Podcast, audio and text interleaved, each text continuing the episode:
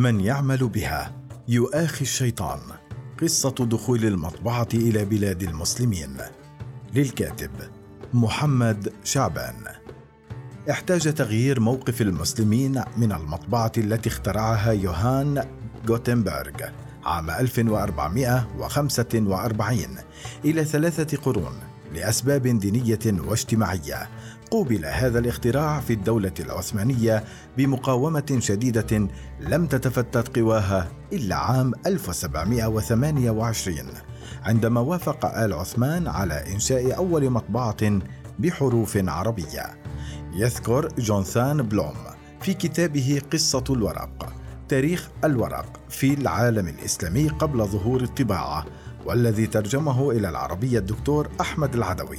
أن السلطان العثماني محمد الثاني الملقب بالفاتح. 1432 1481 قاد نهضة واسعة اشتملت على العناية بالمخطوطات اليونانية والاستعانة بالفنانين الأوروبيين واستخدام التقنيات الأوروبية في شتى الحرف والصنائع لكنه لم يكترث لإنشاء مطبعة للدولة العثمانية خلال فترة حكمه. والحقيقة أن المطبعة لقيت مقاومة عنيدة في الدولة العثمانية فلم يتوجس منها العثمانيون خيفة فحسب بل حظروها تماما فقد أصدر السلطان العثماني بيزيد الثاني ثم سليم الأول من بعده فرمانين من العامين 1485 1515 على الترتيب يحظران فيهما على الرعية من المسلمين خاصة طباعة النصوص المكتوبة بالحرف العربي ولم يستثنيا من الحظر سوى الأقليات الدينية الأخرى إذ سمح لهم بطباعة النصوص العبرية وغيرها من اللغات. تشويه الكتب الدينية. يقدم الدكتور خليل صبات في كتابه تاريخ الطباعة في الشرق العربي. تفسيرا لهذا الرفض العثماني. يذكر أن ما حدا بسلاطين آل عثمان إلا الوقوف في وجه المطبعة والتصدي لنشاطها هو الخوف من أن يعمد أصحاب الغايات والأغراض إلى تحريف الكتب الدينية. وكان هذا السبب كافيا لإجهاض أي محاولة لإدخال فن الطباعة إلى الأستانة ونقلها إلى ولاية الدولة شرقا وغربا. وبحسب الدكتور إبراهيم عبده في كتابه تاريخ الطباعة والصحافة في مصر خلال الحملة الفرنسية 1798 1801 أبى رجال الدين أن تأخذ هذه الحرفة مكانها في الدولة العثمانية واعتبروا أن كل من يحاول ذلك يؤاخي الشيطان فيما يذهب إليه ويسيء إلى دينه. تهديد مكانة النساخ ويطرح بلوم تفسيرا ثانيا للفتور الذي أظهره العالم الإسلامي إزاء الطباعة والكتاب المطبوع فضلا على طول المدة التي استغرقتها معرفة العالم الإسلامي بالطباعة وهو تفسير اجتماعي يرتبط بالتوقير الذي أبداه المسلمون لا سيما العلماء للكلمة المكتوبة بخط اليد. فقد تمتع الكتبه والخطاطون بمكانة اجتماعية واقتصادية وسياسية خاصة في المجتمعات الإسلامية واحتكروا نقل النصوص وتكاثرها حتى القرن الثامن عشر الميلادي عندما بدأ المسلمون بطباعة الكتب ورغم معارضة بعض العلماء للطباعة إلا أن العقبه الرئيسيه تمثلت في معارضة الوراقين والنساخين خاصة. وبحسب بلوم قدر الباحث البولوني يوجي فرناندو مارسيغلي الذي أسره العثمانيون اشتراه أحد البشوات ثم أعتقه لاحقا عام 1682 عدد النساخ العاملين في الأستانة وحدها بثمانين ألف ناسخ ولا شك في أن إدخال الطباعة إلى بلادهم كان سيجعلهم في حكم العاطلين عن العمل. ويذكر عبده في كتابه أن هذا الموقف المعارض للمطبعة بشقيه الديني والاجتماعي لم يكن الأول من نوعه فقد سبقته معارضة مشابهة في فرنسا حينما لقيت المطبعة مكافحة عنيفة من رجال الدين الذين اعتبروا أن نشر الإنجيل مطبوعا يقلل من قداسته وأكدوا أن صناعة الطباعة أمر يجب أن تحرمه الدولة وأيدهم في هذا الاتجاه الناسخون الذين كانوا يعيشون على صناعة النسخ في ذلك الزمن. غير أن مملوك فرنسا في أواخر القرن الخامس عشر لم يأخذوا بنظرية رجال الدين ولم يستمعوا إلى شكاوى الناسخين وأيدوا بسلطانهم فكرة المطبعة التي من شأنها أن تعاون على نشر الثقافة الفرنسية وانتقلت موجة القبول بالمطبعة من فرنسا إلى إسبانيا ثم إلى إنجلترا ولقي أنصارها في البلدين الآخرين ما لقوا في فرنسا من تعنت. إشكالية الحروف العربية المتصلة. تفسير علمي ثالث طرح بلوم لتردد المجتمعات الإسلامية في تبني تقنية الطباعة ونشرها.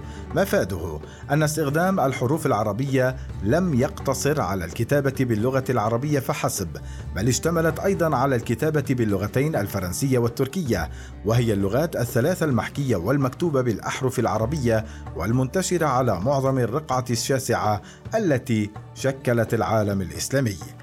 وتتركز إشكالية هذه النقطة في أن تقاليد الكتاب العربي فريدة لأن حروفها تكتب دائما متصلة إذ يجب أن تتصل الحروف داخل كل كلمة. اللهم إلا باستثناءات يسيرة. ومن ثم يتميز النص بالوصلات بين معظم الأحرف في الكلمة وكذلك بأشكال مختلفة للحرف في أول الكلمة ووسطها وآخرها. ولم تتطور طريقة الكتابة بالعربية بأحرف منفصلة قط. على نحو ما جرت به العادة في الكتابة بالأحرف المستقلة في العبرية واليونانية واللاتينية. وبالتالي كانت هناك مشكلات فنية تحيق بطباعة النص العربي جاءت مختلفة تماما عن تلك المشكلات التي ظهرت عند طباعة أحرف الأبجدية الأخرى. غير أن هذه المشكلة حلت عندما سبك مصمم الخطوط الفرنسي وتاجر الكتب روبرت جرانجو. أول حروف عربية اتسمت بالأناقة في روما بعد نحو قرن من اختراع غوتنبرغ واشتق جرانجون أشكال حروفه من أفضل النماذج العربية المنسوخة بخط اليد واستغنى عن الأحرف المركبة مفضلا استخدامها على نحو حر. مطابع لغير المسلمين.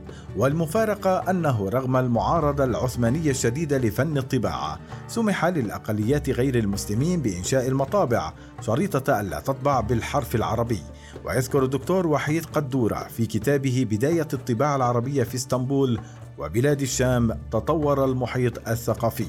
1706 1787 أن الجالية اليهودية انتزعت المبادرة فأسست مطبعة عبرية منذ نهاية القرن الخامس عشر واستفادت من جو التسامح الديني السائد داخل الإمبراطورية للقيام بعدة أنشطة دينية وثقافية وسياسية برعاية الباب العالي حتى عرف القرنان الخامس عشر والسادس عشر بالعصر الذهبي لهذه الجالية. وكان السلطان بايزيد الثاني 1418 1512 قد سمح لليهود المطرودين من إسبانيا بالاستقرار في بلاده ووفر لهم كل الإمكانيات الضرورية للعمل الثقافي والعلمي لفائده جاليتهم. ومن ذلك أنه رخص لهم إقامة مطبعة سنة 1494 على ألا يصدروا كتابا بالحروف العربية واللاتينية. كما أسس اليهود على إثر هذا القرار مطبعتين في كل من إسطنبول وسالونيك في نهاية القرن الخامس عشر أي قبل قرنين كاملين من ظهور أول مطبعة عربية في العاصمة العثمانية. ونسج الأرمن على منوال اليهود فأقاموا أول مطبعة لهم بالحروف الأرمنية سنة 1567 في مدينة سيفا.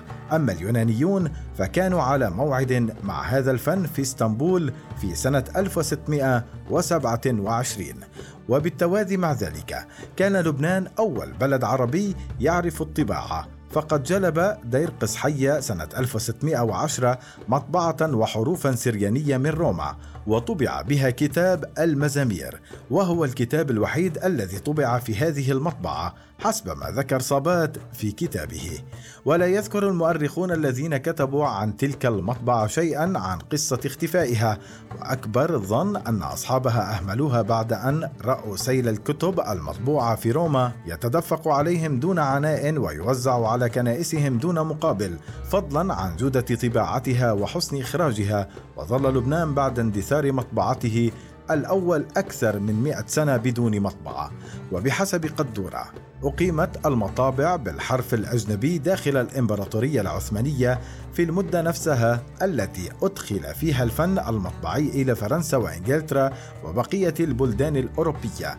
وهذا يدل على أن الباب العالي كان على دراية مبكرة بهذا الاكتشاف. لكنه لم يسمح باستعماله إلا الأقليات غير الإسلامية بشرط عدم استخدام الحرف العربي.